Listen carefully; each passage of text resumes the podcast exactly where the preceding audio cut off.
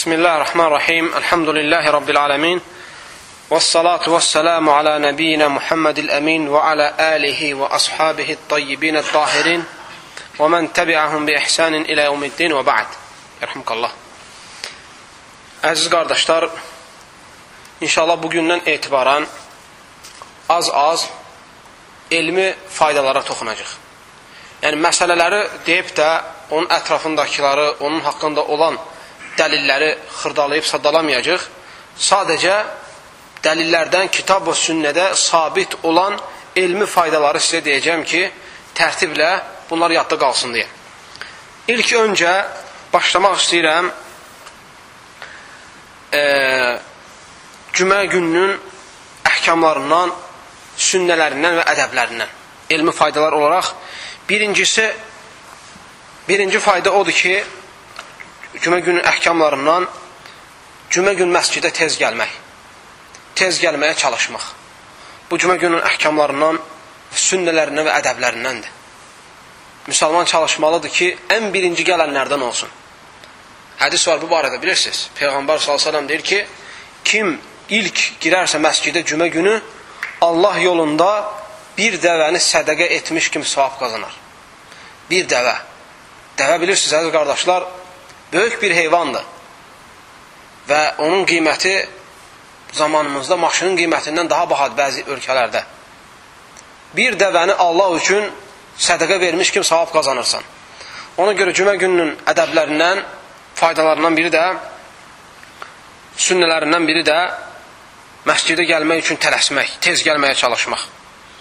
İkinci, həmçinin cümə gününün sünnələrindən və yaxud əhkamlarından və ədəblərindən gəlməməzdən qabaq qusul etmək. Qusul eləyib, çimib, təmizlənib elə gəlmək. Və çimib təmizlənməyin içinə daxildir, insan səv ayerlərini təmizləsin. Yəni, övratını, qoltuq altını təmizləsin və dırnaqlarını tutsun. Əgər bığları uzanıbsa, qısaltsın. Dişlərini yüsün. Və s. kimi təmizlik növlərinin hamısı cümə gününün qusullunun içinə daxildir. Bu məsələnin altındadır. Və burada bir mühüm məsələ var, faydalarından odur ki, cümə gününə gələn insan səhər namazından sonra qusul etməlidir Sonra nə vaxt istəsə onda gəlməyi mi xeyirlidir, yoxsa gəlməzdən qabaq qusl eləyib elə gəlməsi mi? Aleykümselam. Elm əhli deyir ki, bu məsələdə belədir ki, kim məscidə gəlməzdən qabaq qusl eləyərsə, onun quslu sünnətə daha uyğundur. Çünki cümə günü əsas ibrət oradadır ki, məscidə gələn insan təmiz olsun, pak olsun. Otur qardaşım, otur, otur. Hər həftə, hər cümə günü, hər cümə günü qusul, qusul sadəcə qusul. Amma qoltuq altı və övrat yerin təmizlənməsi ən uzaq həddi 40 gündür. 40 gündə bir. Amma hər həftə təmizlənmə ədəblərdəndir. Və müsəlman çalışmalıdır gəldikdə heç kəsə əziyyət verməsin. Nə ağzının iyi ilə, nə bədəninin tərinin iyi ilə, nə də başqa şeylərlə.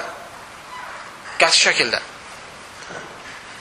Üçüncü, həmçinin cümə günü əhkamlarından və ədəblərindən və sünnələrindən cüməyə gələn insan ən gözəl və ən sevdiyi və ən təmiz paltarını geyməyə çalışmalıdır. Bu çox mühüm məsələlərdən biridir.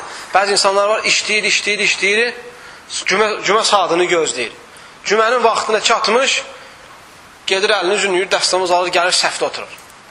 Həm paltarı çirkli olur, həm də bədənini təmizləməmiş olur. Və belə insan əziyyət verir ətrafındakilara. Ona görə bu ədəblərdən deyil. Gərək cümə günü işlə, işləmə işləyə bilərsən. Amma cüməyə gəlməzdən qabaq çalış qusul elə təmizdən və ən gözəl, ən xoşuna gələn və ən təmiz paltar geyib gələsən. Və həmçin cümə gününün ədəblərindən, əhkamlarından və sünnələrindən Cüməyə gələn insan nəinki qusul eləyib təmiz paltarda, eyni zamanda xoş olan və ən qəşəng iyili olan ətirlərindən də istifadə eləməlidir. Ətirlənib gəlməlidir. Və adətən özünün və başqalarının xoşu gələn bəzi ölkələrdə Allah müstəhan ətir növləri var, adamın ətrafında otura bilmirsən. Bəzi Afrika ölkələrində bir yağ, yağa oxşar bir maddə sürtürlər dərilərinə, dəhşət çirkin iyi gəlir. Pis iyi var. Onlar adətən ona uşaqlıqdan örgəndikləri üçün hiss eləmirlər o iyi. Amma yanında oturanda sənə əziyyət verir o. Və müsəlman buna diqqət yetirməlidir. Tək sənin xoşuna gələn yox, adətən sən işlətdiyin, sürtdüyün ətir adətən xoşa gələn iyi olmalıdır. Elə ki, ətrafındakılar səndən qaçmasın. Həmçinin cümə gününün ədəblərindən və yaxud cümənin ədəblərindən və ərkanlarından, əhkamlarından və sünnələrindən məscidə gəldikdə yeriyərək gəlmək. Minikdə də gəlmək olar. İstərsən maşın, istərsən at olsun, istərsən başqa mini olsun, minikdə də gəlmək olar. Amma yeriyib gəlmək maşınla gəlməkdən daha xeyirlidir. Əgər yeriyib gəlməkdə məşəqqət varsa, onda maşınla gəlmək xeyirlidir. Yəni, o manada ki, bir insan yeriyib gəlsə, uzaqdan gəlir, yeriyib gəlsə, ayaqları şişə bilər, xəstələnə bilər, müəyyən təzyiqlər ola bilər və bu da onun səbəb olar ki, sonra vacibləri yerinə yetirə bilməsin. Belə halda yox. Əgər məşəqqət yoxdursa, çətinlik yoxdursa, onda o zaman və xüsusən də məscid yaxındırsa, sən olan yerə onda çalışıb yer, yer, yeriyib gəlməyə çalış. Çünki yeriyib gəlmək, minitə gəlməkdən məşəqqət yoxdursa daha xeyirlidir. Və həmçinin cümə günü ədəblərindən, əhkamlarından və sünnələrindən məscidə girdinsə cümə günü istərsən imam xütbə verə-verə olsun, istərsən xütbədən qabaq olsun, məscidə girdiyində ilk öncə get iki rəkət məscid təhiyyə qıl. Məscid sünnəti qıl iki rəkət. Bu da cümə gününün ədəblərindəndir. Və həmçin cümənin ədəblərindən hər bir müsəlmanın çalışması ki, cümə günü Kəf surəsini oxuya. Cümə günü Kəf surəsini oxuya. Bu barədə sünnədə hədis var. Kim cümə günü Kəf surəsini oxuyarsa, Kəf surəsi ona şəfaat verəcək qiyamət günü. Sələf-i salihdən də bu şey məşhurdur. Onlar cümə günü Kəf surəsini oxuyardı. Bu, bugünkü gündə əziz qardaşlar, hicr olunmuş, tərk olunmuş sünnələrdəndir.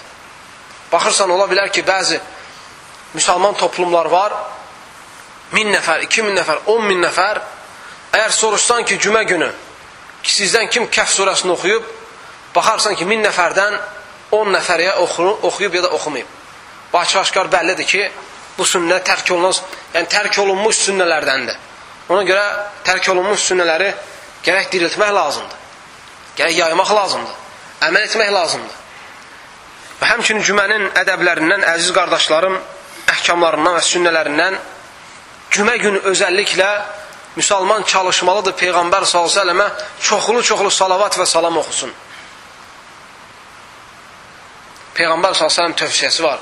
Deyir ki, cümə günü olduqda mənə çoxlu salavat və salam gətirin. Sahabələrdən biri deyir ki, ya Rasulallah, mən sənə nə qədər salavat gətirim?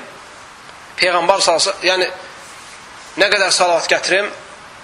Peyğəmbər salsam deyir, bu qədər. Deyir, ondan daha çox gətirməyə qadirəm.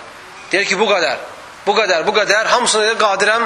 Axırda Peyğəmbər salsam deyir ki, çalış, zikirlərin çoxunu salavatla elə çoxlu zikir, çoxlu mənə salavat elə. Çünki kim Peyğəmbər s.ə.və çoxlu salavat gətirərsə, Allah talı ona sıxıntıdan, sıxıntılarından çıxış yol bəxş eləyər. Çəkinliklərdən çıxmağa nəsib eləyər Allah talı ona. Özəlliklə sələf-ü salih, sahabələr, tabinlər və o, günümüzə dək onların yolu ilə gedən bütün sələf-ü salih bu sünnəyə əməl etmək hərisdir. Deməli, cümənin ədəblərindən həmçinin Peyğəmbər sallallahu aleyhi ve sələmə salat, salavat gətirmək, salavat gətirməyi çoxaltmaq və çətin olan bir şey deyil. Allahumma salli və səllim alə nəbinə Muhammed və yaxud da sallallahu aleyhi və səlləm və yaxud da Allahumma salli alə Muhammed və alə əli Muhammed kəmə sallaytə alə İbrahimə və alə əli İbrahim innəkə həmidun məcid bu kimi salavatları Peyğəmbər salsınmə gətirmək insanı çətinə salan, məşəkkətə salan əməllərdən deyil. İstərsən minikdə ol, maşınla harası gedirsən, istərsən hər hansı bir işdə ol, istərsən otura ol, istərsən uzuna ol, hansı halda olursan ol, çalış ki, Peyğəmbər sallallahu salavat gətir. Çünki əziz qardaşlarım, əgər müsəlman bunu alışsa, cümə günü, yəni daima Peyğəmbər sallallahu salavat gətirib də, cümə günü özəlliklə və xüsusilə Peyğəmbərə salavatını çoxaltmağa çalışsa, onda o zaman inşallah o adam böyük xeyrə muvaffaq olmuş olar.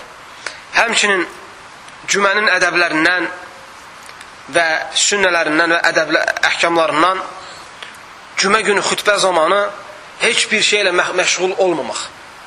Nə böyrün dəyini demək sakit dur, nə oturub xalça ilə oynama, nə təsbihlə oynama, nə telefonu söndürüb yandırmaq, mesaj yazmaq və s. kimi əməllər və s. kimi və yaxud yayınıb pəncərəni axıb, açıb çölə baxmaq, gedəni seyr eləmək, bu cür şeylərlə məşğul olmaq olmaz. Bu cümə gününün ədəblərindəndir ki, belə yayındırıcı şeylər tərk eləsən. Xütbə zamanı bütün diqqətin hamısını xütbəyə verməlisən. Hamısı, bütün diqqətin hamısı xütbədə olmalıdır. Bu da cümə gününün ədəblərindəndir. Və həmçinin cümə gününün ədəblərindən və sünnələrindən cüməyə gəldiyin zaman insanları tapdalə, tapdalə qabaq səfə keçmək olmaz. Yəni, insanları aralaya-aralaya, əziyyət verə-verə gedib qabaqda durmaq olmaz. Məscidə girdinmi, bir boş yer tapdınsa, get orada otur. İnsanlara əziyyət verməklə. Və həmçinin cümə gününün ədəblərindən, ə, e, xüsusən də bu 10-cu ədəb, yəni cümə günü səhvləri aralaya-aralaya insanların boynunu basa-basa qabaq səfə keçmək, bu çox baş verir. O məscidlərdə ki, cəmaat çox gəlir, ya məscid balacadır və yaxud məscid böyükdür, cəmaat çox gəlir. Belə hallarda o baş verir. Lakin burada ümumi müsəlmanlara lazımdır ki, əgər hiss eləsələr ki, məscid balacadır, məscidə nisbətən namaz qılanların sayı çoxdur, onda o zaman gərək geniş-geniş oturmasınlar. Ki, hətta insanlar çöldə qalmasın deyə. Onda ədəbdəndir ki, sıx otursunlar və ortada boşluq buraxmasınlar ki, arxada olan müsəlmanlara da yer olsun.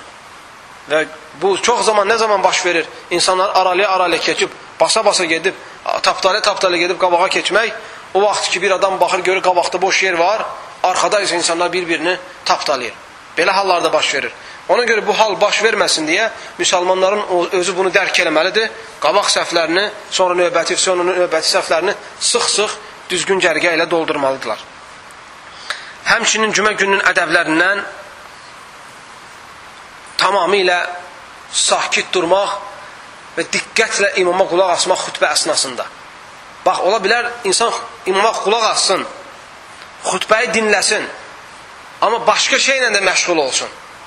Tutaq ki, telefonla oynayır və yaxud telefonla SMS yazır, ya SMS qəbul eləyir və yaxud hər hansı bir yayındırıcı işlə məşğuldur və eyni zamanda xütbəni də dinləyir. Belə olmaz. Əl-insat deyilər, əl-insatul kamil.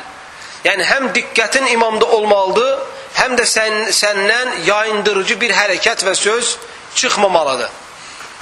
Deməli, diqqətlə və susmaqla və kamil zehinlə imamın xütbəsinə diqqət, qulaq asmaq lazımdır.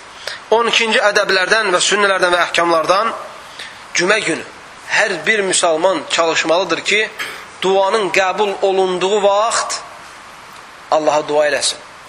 Peyğəmbər s.ə.v səhih hədisdə buyurur ki, cümə günü bir saat var ki, Allah Taala o saatda olunan duanı gəri boş çevirməz, geri qaytarmaz. Elm əhli ictihad eləyir, deyirlər ki, görəsən o qəsd olunan bir saat hansıdır? Bəzi elm əhli deyir ki, iki xütbə arasında verilən boşluqdur. O, cümə günü imam iki xütbə verir. Birinci xütbəni verir, sonra bir balaca istirahət eləyir, sonra qalxır ikinci xütbəni verir.